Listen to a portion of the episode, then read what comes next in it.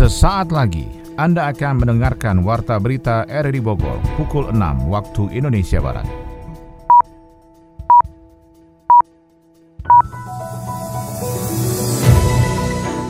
Selamat pagi dan salam jumpa. Kami kembali menyapa Anda dalam Warta Berita edisi Sabtu 4 September 2021. Siaran ini bisa Anda dengarkan lewat audio streaming di RRI Play pada perangkat smartphone Anda dan bisa Anda dengarkan juga di Radio Tegak Beriman Kabupaten Bogor. Berita utama hari ini adalah vaksinasi bukan satu-satunya solusi untuk menghentikan penyebaran virus corona. Satgas COVID-19 Kabupaten Bogor memperlakukan uji coba sistem ganjil genap di kawasan Puncak di akhir pekan. Bersama saya Maulana Isnarto, inilah Warta Berita selengkapnya.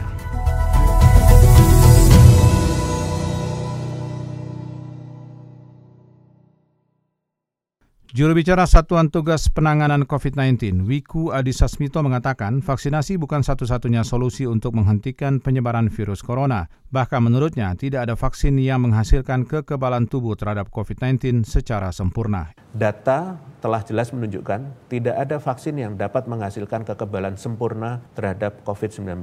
Oleh karena itu, kita tidak bisa mengandalkan vaksin sebagai solusi tunggal di tengah dinamika COVID-19.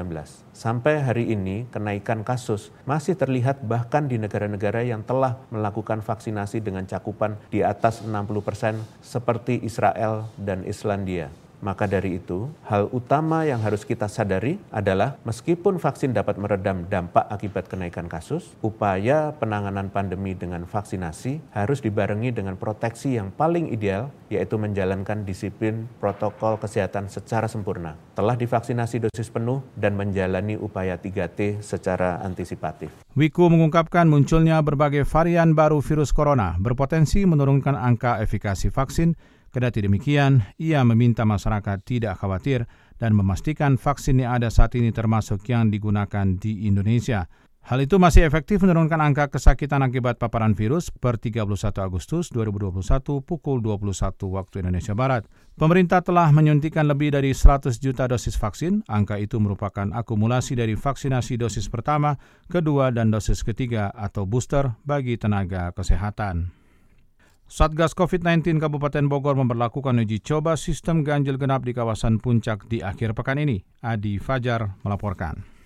Polres Bogor menerapkan uji coba sistem ganjil genap kendaraan di kawasan Puncak guna mengantisipasi kepadatan mobilitas pada PPKM level 3 di Kabupaten Bogor. Kasat Lantas Polres Bogor AKP Diki Pranata menjelaskan, diberlakukannya ganjil genap kendaraan diharapkan dapat menekan kepadatan lalu lintas di kawasan pariwisata, khususnya pada akhir pekan. Selain itu, kebijakan tersebut dinilai menjadi terobosan Satgas COVID-19 dalam mencegah kenaikan angka kasus di Kabupaten Bogor. Weekend ini, per weekend ini kami melakukan uji coba ganjil genap di kawasan puncak. Hal ini ya kami ambil merupakan tugas bersama bersama Kopimda berdasarkan hasil rapat dilihat sebagai suatu terobosan yang dibutuhkan karena memang untuk menjaga Bogor ini tetap sebagai zona yang aman untuk dikunjungi. Untuk pemberlakuannya rencana awal kita laksanakan panjang 24 jam. Dilakukan per hari jadi di tanggal genap mau nomor kendaraannya nomor genap, di hari ganjil mobilnya juga ganjil. Itu jadi kita akan laksanakan demikian. Polres Bogor telah menyiapkan tujuh titik pos pemeriksaan uji coba ganjil genap meliputi gerbang tol Ciawi, Simpang Gadok, Bukit Pelangi, pintu tol Cibanon, pos penutupan arus bendungan, dan dua lokasi di kawasan Sentul. Seluruh pengendara yang masuk kawasan puncak juga tetap akan dilakukan pengecekan sertifikat vaksin COVID-19 oleh petugas dari pintu tol Cibanon itu kita akan lakukan penutupan. Diizinkan hanya kepada masyarakat sekitar. Yang dibuktikan dengan kartu tanda penduduk. Nanti kita di situ juga ada petugas. Kemudian jalur alternatif yang di Bendungan juga kita siagakan petugas di sana. Seperti biasa juga ini di Simpang Gadok sudah pasti masyarakat tahu. Di Gadok itu untuk pada masyarakat yang melalui jalur arteri baik itu roda 2 dan roda 4 kemudian di depan gate tol juga gate tol untuk kendaraan-kendaraan dari luar kota yang kendaraan roda 4 terutama. Kita langsung pemeriksaan di sana. Dan semua ini gaji genap tetap harus menunjukkan vaksin. Tidak perlu antigen karena kebetulan aglomerasi. Di aglomerasi tidak dibutuhkan untuk swab antigen. Sementara itu, Wakil Ketua DPRD Kabupaten Bogor Agus Salim mengatakan diterapkannya sistem ganjil genap menjadi ikhtiar bersama untuk mencegah peningkatan kasus COVID-19. Kita juga harus mempertahankan kesehatan ke depan. Inovasi ataupun juga ide terkait dengan ganjil genap ini salah satu lah dari sekian ikhtiar kita untuk bisa mempertahankan kondisi kita agar terus melandai. Ganjil genap ini mungkin sebagai salah satu alternatif lah insya Allah. Harapan kita ini bisa menurunkan paling tidak biar tidak terlalu padat dan baik dari sisi peningkatan dan juga ada beberapa agenda yang juga mulai di, diagendakan mulai dari PTM dan juga yang lainnya nanti malah naik semua dan batal semuanya bisa jadi. Satgas COVID-19 Kabupaten Bogor mengerahkan setidaknya 300 personel gabungan untuk mengawal sistem ganjil genap di jalur puncak yang berlaku pada Jumat, Sabtu, dan Minggu. Nantinya setiap kendaraan pribadi yang plat nomornya tidak sesuai dengan angka genap atau ganjil pada tanggal sesuai kalender akan diputar balik arah.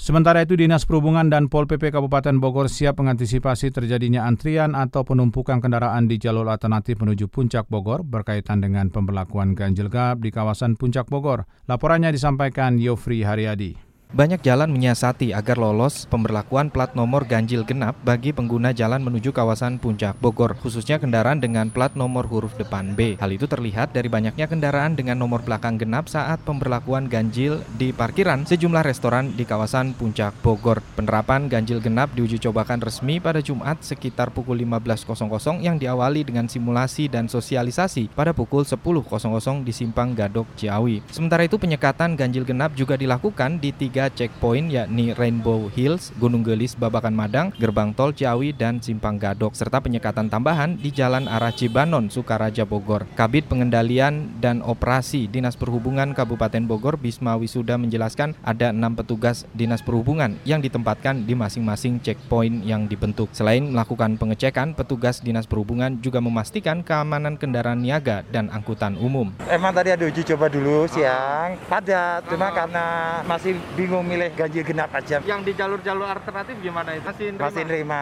Cuma kan kalau yang Mega Mendung sama Cisarua boleh. Iya sama itu juga boleh. Masyarakat boleh lewat. Masyarakat. Yang KTP Cisarua Mega Mendung. Berapa titik yang checkpoint di alternatif uh, itu? Alternatif tiga.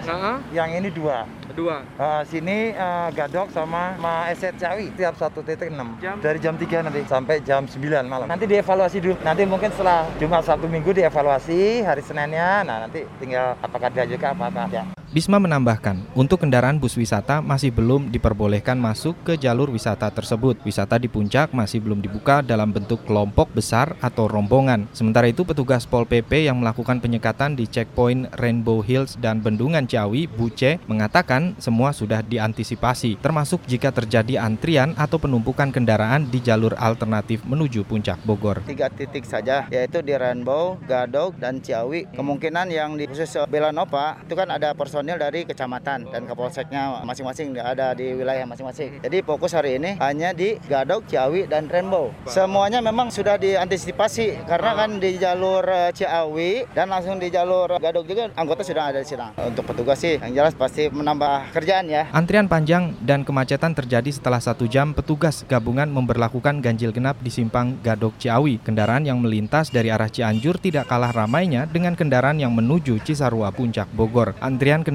juga diakibatkan petugas memutar balik kendaraan karena angka plat nomornya tidak sesuai di simpang Gadok Ciawi Bogor. Ece, mereka mana yo isuk-isuk ges ngabring?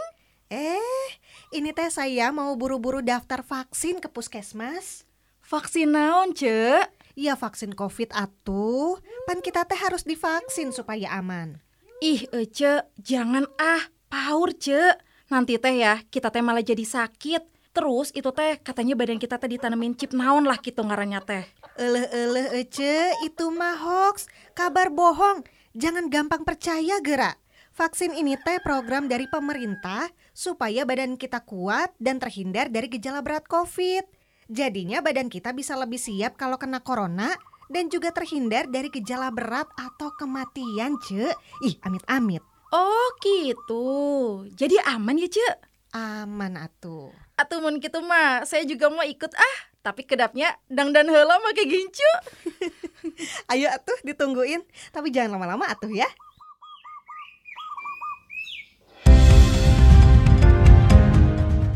Anda tengah mendengarkan Warta Berita RRI Bogor. Pemerintah daerah mengharapkan menggali potensi investasi di wilayahnya untuk pembangunan berkelanjutan. Kita ikuti laporan Adi Fajar Nugraha.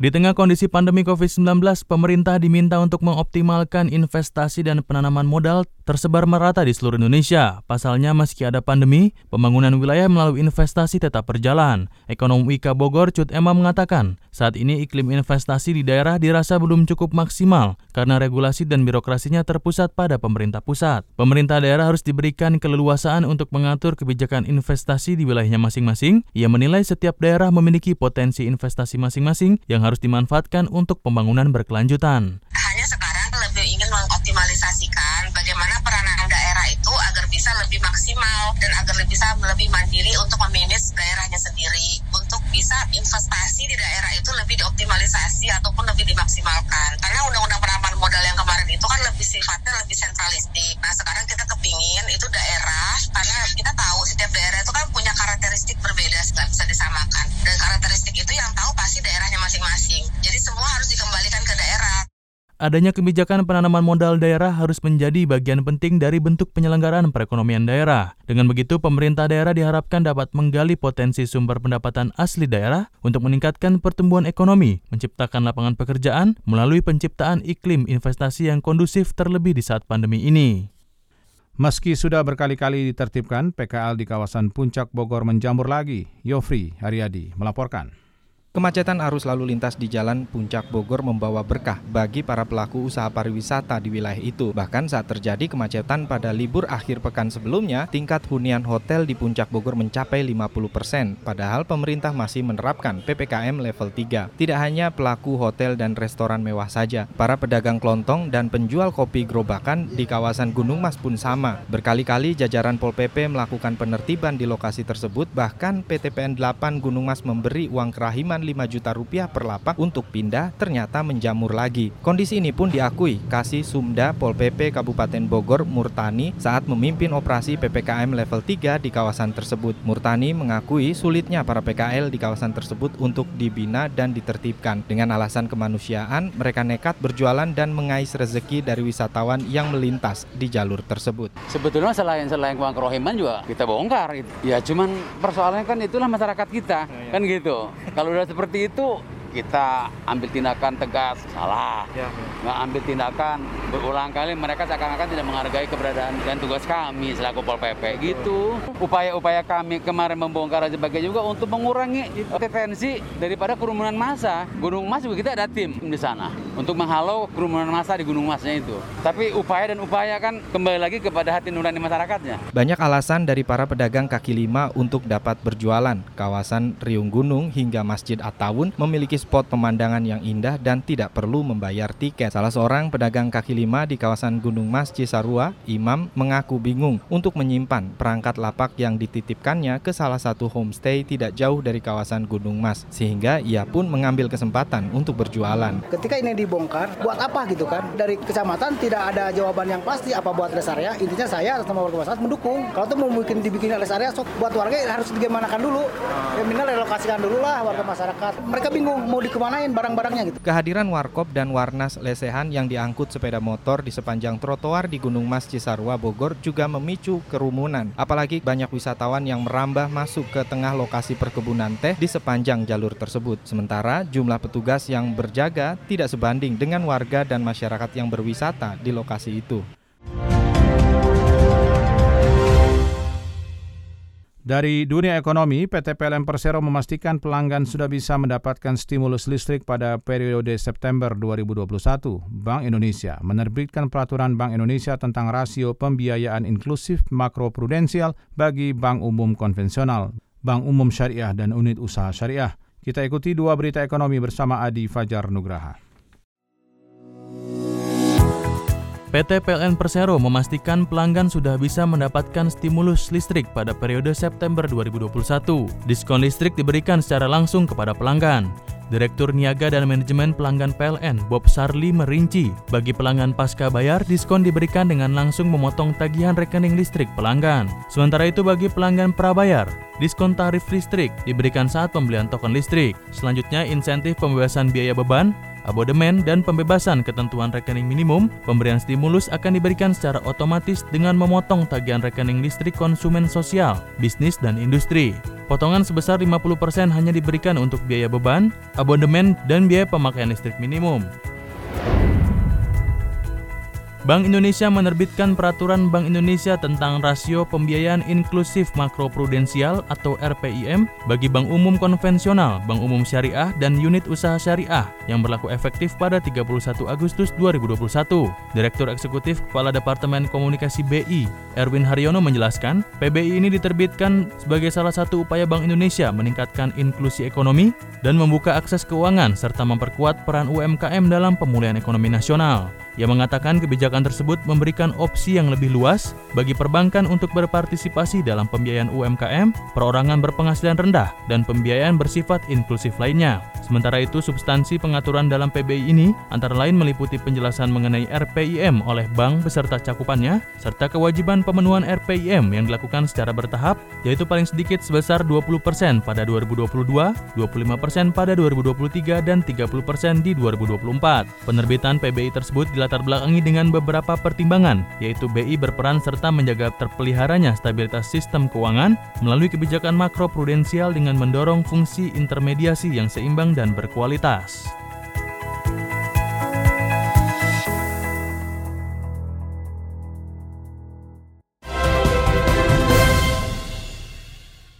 Dari mancanegara, satu unit pesawat Cessna Citation 560X menabrak sebuah gedung di High Road, Farmington, Connecticut, Amerika Serikat, dan melansir NBC Connecticut, insiden tersebut terjadi pada Kamis pukul 10 waktu setempat. Polisi mengatakan pesawat itu berisi dua pilot dan dua penumpang. Akibat kecelakaan itu, empat orang dilaporkan tewas. Pesawat tersebut bertolak dari Robertson Field Airport di Plainfield, Connecticut, menuju ke Bandara Regional Dare County di Mateo, North Carolina. Menurut Federal Aviation Administration atau FAA, kecelakaan itu terjadi di fasilitas produksi Trump. Perusahaan mengkonfirmasi dalam sebuah unggahan Facebook pada Kamis bahwa semua karyawan telah dihitung dengan dua orang dilaporkan mengalami luka-luka. Polisi mengatakan luka diderita oleh korban tersebut tidak mengancam jiwa. Kepolisian Farmington mengatakan ada bukti kerusakan mekanik saat pesawat lepas landas. Pesawat itu awalnya mendarat di tanah lalu menabrak gedung. Sebuah video merekam kebakaran besar terjadi setelah pesawat menabrak gedung tersebut.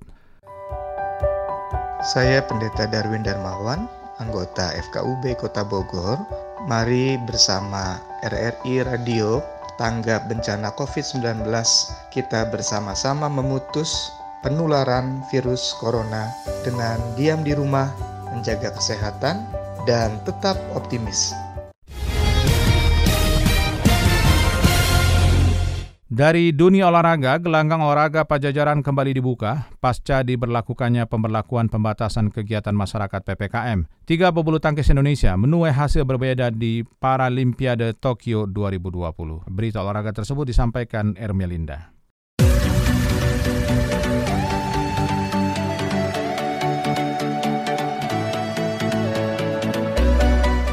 Tiga pebulu tangkis Indonesia menuai hasil yang berbeda di Paralimpiade Tokyo 2020 pada hari Jumat pagi waktu Indonesia bagian Barat. Freddy Setiawan berhasil menang dan lolos ke babak semifinal, sedangkan Hari Susanto dan Ukun Rukaindi terhenti. Pada penyisihan tunggal putra grup B, Freddy Setiawan menutup laga terakhir grup dengan kemenangan. Bertanding di Yoyogi National Stadium, Freddy menang dua game langsung atas Siripong dari Thailand dengan skor 21-17, 21-11. Kemenangan itu pun mengamankan langkah Freddy lolos ke babak semifinal. Keberhasilan Freddy bertolak belakang dengan pencapaian dua wakil Indonesia lainnya yaitu Hari Susanto dan Ukun Rukaindi. Turun di penyisihan grup A, Hari dikalahkan wakil India Yatira Suhas melalui straight games dengan skor 6-21, 12-21. Kekalahan ini menghentikan langkah Hari Susanto untuk lolos ke semifinal final. Dia kini mengalihkan fokus untuk meraih medali di ganda campuran. Adapun Hari berpasangan dengan Leani Ratri Oktila di SL3 SU5. Pasangan Hari Ratri telah memastikan diri lolos ke semifinal. Kekalahan juga menimpa Ukun Rukaini di kategori SL3 Tunggal Putra. Ukun takluk di tangan pemain Inggris Raya yaitu Daniel Petel dengan skor 12-21, 8-21 dan hasil ini pun turut menyingkirkan Ukun dari Paralimpiade Tokyo 2020. Gelanggang olahraga Gor Pajajaran kembali dibuka pasca diberlakukannya pemberlakuan pembatasan kegiatan masyarakat atau PPKM. Gor Pajajaran dibuka sejak 1 September 2021 oleh Dispora Kota Bogor dan untuk digunakan pengurus cabang Pengcap Kota Bogor yang tengah mempersiapkan atletnya dalam menghadapi babak kualifikasi Pekan Olahraga Provinsi BK Porprov ke-14 Jawa Barat 2021. Ketua Kodi Kota Bogor Beninu Argobi mengatakan lantai 2 KONI Kota Bogor sudah mulai dibuka dan hanya diperuntukkan bagi atlet Pelatda Porda 2022. Kami lantai 2 KONI Kawah Chandra di Muka Bela Diri mulai kami buka kemarin. Tapi yang biasanya bisa satu kali masuk tiga cabur atau dua cabur, sekarang kita coba atur satu cabur satu cabur dengan hanya mengizinkan masuk atlet yang Pelatda Porda. Di atlet Pelatda Porda, Porda nggak boleh. Kalau cabur-cabur beregu, ini memang terkendala untuk latihan di lapangan-lapangannya kita memang Kota Bogor kuatnya di cabur-cabur perorangan. Beninu menambahkan dengan dibukanya gedung KONI lantai 2 berarti beberapa tim pelacak Kota Bogor sudah bisa berlatih untuk mengejar ketertinggalan beberapa pekan terakhir akibat PPKM.